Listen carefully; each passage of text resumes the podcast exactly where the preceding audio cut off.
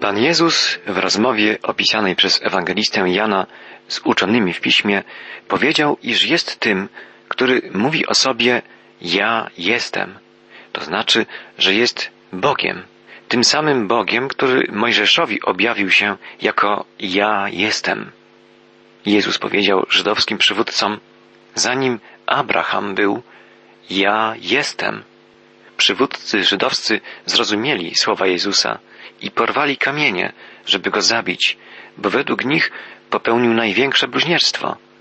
Postawił siebie na równi z Bogiem Ojcem. Jezus jednak przeszedł pomiędzy rozjuszonym tłumem i wyszedł ze świątyni.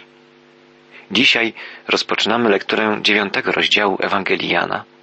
Apostoł Jan opisuje tu wydarzenie, które było dramatycznym dalszym ciągiem burzliwej rozmowy w świątyni. Jezus powiedział o sobie, że jest światłością świata. Przywódcy religijni Izraela byli duchowo ślepi. To musiało zrodzić ostry konflikt. Jezus spotyka człowieka niewidomego od urodzenia. Człowiek ten nie może zobaczyć Jezusa, mimo że On, światłość świata, stoi przed nim. Niewidomy nie może ujrzeć światłości. Jezus jednak objawia się temu człowiekowi stwarza na nowo oczy, którymi ten niewidomy od urodzenia człowiek może spojrzeć. Światło musi być dostrzeżone. Musi być ten, kto jest źródłem światła i ten, kto jest jego odbiorcą. Światło ujawnia stan oka, jego zdolność do postrzegania. Jezus, światłość świata, ujawnia stan serca, stan duszy człowieka. Faryzeuszom wydawało się, że widzą, ale w sensie duchowym byli ślepcami. Przed laty w pewnej kopalni nastąpił wybuch, który uwięził grupę górników w całkowitej ciemności. Gdy dotarli do nich ratownicy, wyposażeni w zapalone lampy, jeden z górników, uwięzionych w ciemnościach, zapytał, dlaczego nie zabraliście ze sobą latarek? Tu jest całkiem ciemno. Wtedy wszyscy popatrzyli na niego zdumieni i po chwili zrozumieli, że człowiek ten stracił w wyniku wybuchu wzrok. Gdy wszyscy tkwili w ciemności, człowiek ten nie zdawał sobie sprawy, że jest niewidomy. Dopiero światło ujawniło jego kalectwo. To Jezus ma na myśli, gdy mówi, jak czytamy w 39 wierszu 9 rozdziału Ewangelii Jana, Przyszedłem na ten świat, aby przeprowadzić sąd aby ci, którzy nie widzą, przejrzeli, a ci, którzy widzą, stali się niewidomymi. Tak, światło ujawnia stan naszych oczu. Jezus, duchowa światłość, ujawnia stan naszych serc i umysłów. Ci, którzy są duchowo ślepi, a nie zdają sobie z tego sprawy, spotykając Jezusa, uświadamiają sobie swoją duchową ślepotę. Znana jest historia pewnego wybitnego parlamentarzysty brytyjskiego, którego przyjaciel zaprosił na wykład jednego z największych kaznodziei, ewangelistów. Ewangelista w poruszający sposób mówił o Jezusie Chrystusie jako o Zbawicielu i Królu Królów. Po wykładzie przyjaciel owego parlamentarzysty zapytał go o opinię o usłyszanym wykładzie. Po chwili zastanowienia człowiek ów odpowiedział tak, ten ewangelista jest wielkim mówcą, jest wspaniałym oratorem, ale o czym on właściwie mówił? Oto przykład duchowej ślepoty. Oto przykład wybitnie zdolnego, zajmującego wysoką pozycję człowieka, jednak duchowo zupełnie ślepego. Całkiem podobne zachowania mogłem zaobserwować w trakcie przeprowadzanej przez Towarzystwo Ewangelizacyjne Billy Grahama satelitarnej kampanii ewangelizacyjnej. W naszej miejscowości organizacją tego wydarzenia zajął się specjalny komitet utworzony przez przedstawicieli kilku denominacji chrześcijańskich. Były to wspaniałe chwile, kiedy mogliśmy razem współpracować, modlić się i wskazywać ludziom na Chrystusa.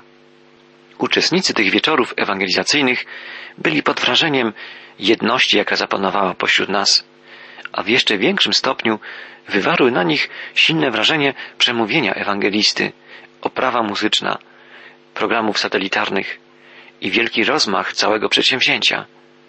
W trakcie rozmów z kilku intelektualistami osobami zajmującymi wysokie stanowiska społeczne.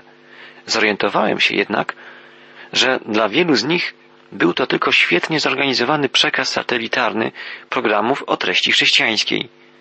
Natomiast jaka była to treść i w jaki sposób miałaby dotyczyć ich samych, nie byli w stanie powiedzieć. Naszą odpowiedzialnością jako chrześcijan, czyli ludzi Chrystusa, jest wskazywanie na Niego i na Jego Słowo. Jeszcze istotniejsze jest, byśmy swoim życiem poświadczali prawdziwość słów Jezusa, prawdziwość Ewangelii. Na tym nasza odpowiedzialność się kończy, bo tylko Duch Święty może sprawić, że Boże Słowo dotrze do serca człowieka, że dokona w nim przemiany, że przejrzy on duchowo, że zacznie żyć zgodnie z Bożą prawdą. Powinniśmy wskazywać na Jezusa wskazywać światłość świata wszystkim, których napotkamy w swoim życiu. Ale jedynie Duch Święty może otworzyć oczy ich duszy. Bądźmy przygotowani na to, że ktoś, komu będziemy wskazywać Jezusa jako światłość świata, powie nam, o jakim świetle Ty mówisz? Nie widzę tu żadnego światła. Ale ktoś inny powie może, dziękuję Ci, że wskazałeś mi prawdziwe światło. Byłem ślepy, a teraz widzę. Spójrzmy w nasz tekst biblijny. Na początku dziewiątego rozdziału Ewangelii Jana czytamy. Pewnego dnia zobaczył Jezus człowieka niewidomego od urodzenia. Jak już zauważyliśmy wcześniej, każda niezwykła wypowiedź Jezusa jest w Ewangelii Jana zilustrowana wydarzeniem, które jest jak gdyby komentarzem, objaśnieniem do jego słów. Apostoł Jan będąc przez cały czas ziemskiej służby Jezusa bardzo blisko Niego, zapamiętał zarówno rozmowy, jak i wydarzenia, które towarzyszyły wypowiedziom Jezusa. Jest więc logiczne, że po wyrażających cudowną prawdę słowach Jezusa Ja jestem światłością świata, następuje opis uzdrowienia przez Jezusa człowieka niewidomego.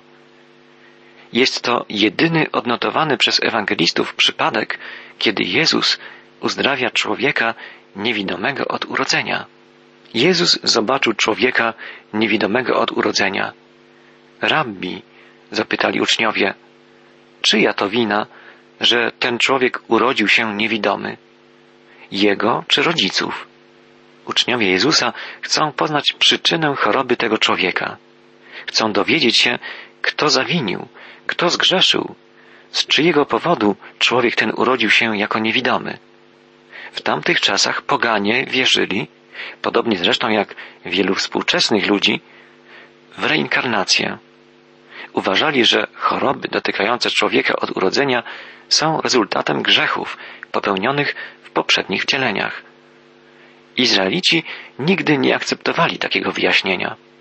Wierzyli natomiast, że grzechy ojców mogą być przyczyną niepowodzeń i chorób ich dzieci do trzeciego i czwartego pokolenia.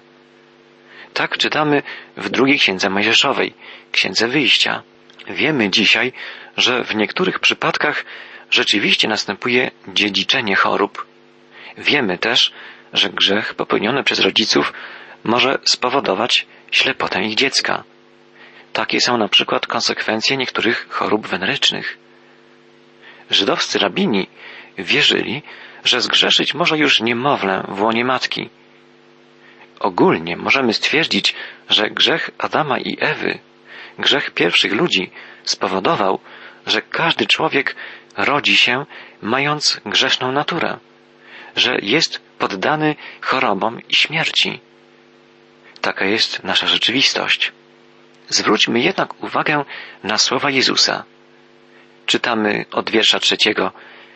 Jezus odpowiedział, ani on nie zawinił, ani jego rodzice. Urodził się niewidomy, aby na nim okazało się działanie mocy Bożej.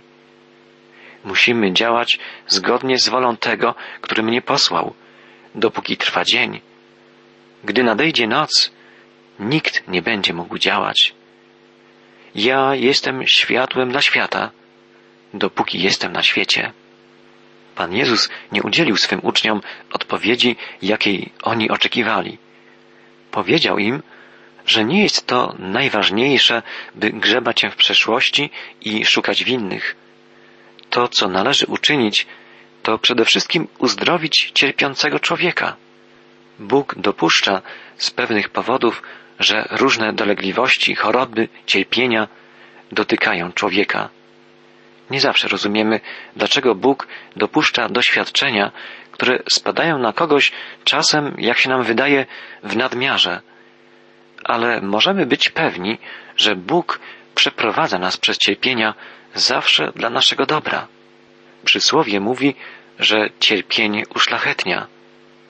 Cierpienie jest w Bożym ręku jak dłuto, którym Stwórca rzeźbi nasz charakter. Bóg stworzył Ciebie i mnie, byśmy przynosili Mu chwałę. Jeśli tego nie czynimy, jak gdyby przekreślamy cały sens naszego istnienia i sens aktu stworzenia. Uzdrowienie tego niewidomego od urodzenia człowieka przyniesie chwałę Bogu. Człowiek ten nie tylko będzie widział przez resztę swego życia, ale otworzą się także jego duchowe oczy. Zobaczy Jezusa, Syna Bożego, Zbawiciela. Wielu tych, którzy znali Go jako niewidomego, widząc Jego uzdrowienie, także uwierzy w Jezusa. I wielu ludzi odda chwałę Bogu. To jest cel i sens całej tej historii. Jezus ponownie mówi, ja jestem światłością świata. Ciemność, w jakiej żyje ludzkość, sprawia, że wszyscy są jak niewidomi. Noc grzechu czyni ludzi ślepymi. Sprawia, że duchowe oczy ludzi są niewidzącymi oczyma.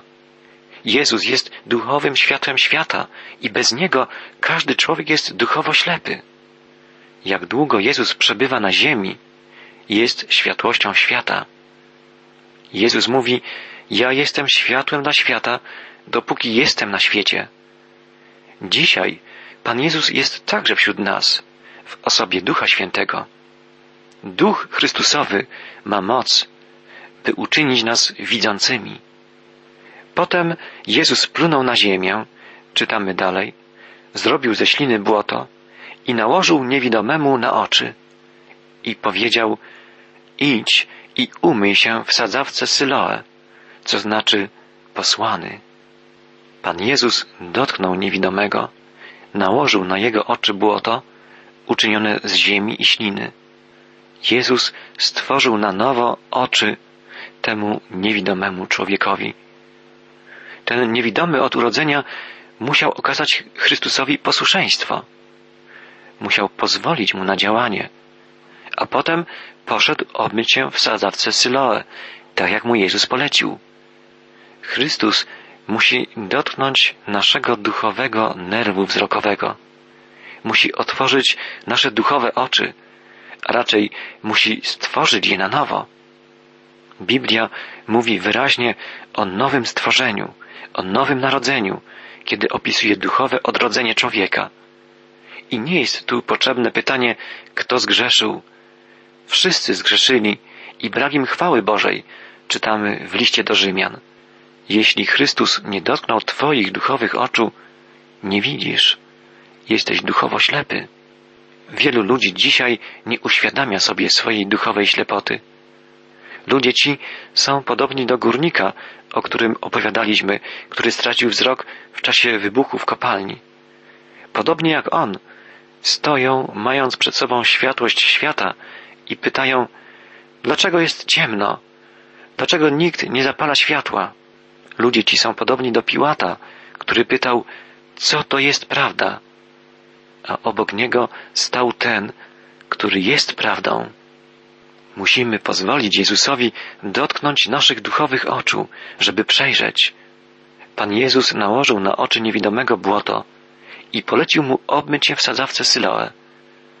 Dlaczego Jezus dokonał uzdrowienia w tak niezwykły sposób?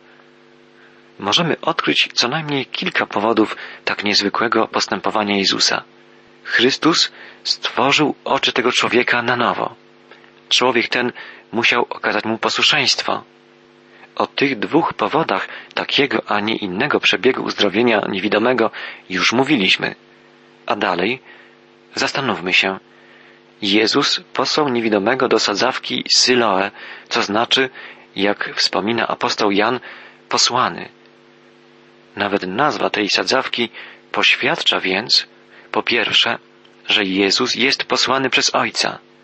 Tak jak Ojciec posyła Jego, tak On teraz posyła człowieka, by doznał uzdrowienia. Po trzecie, niewidomy musiał obmyć się w wodzie.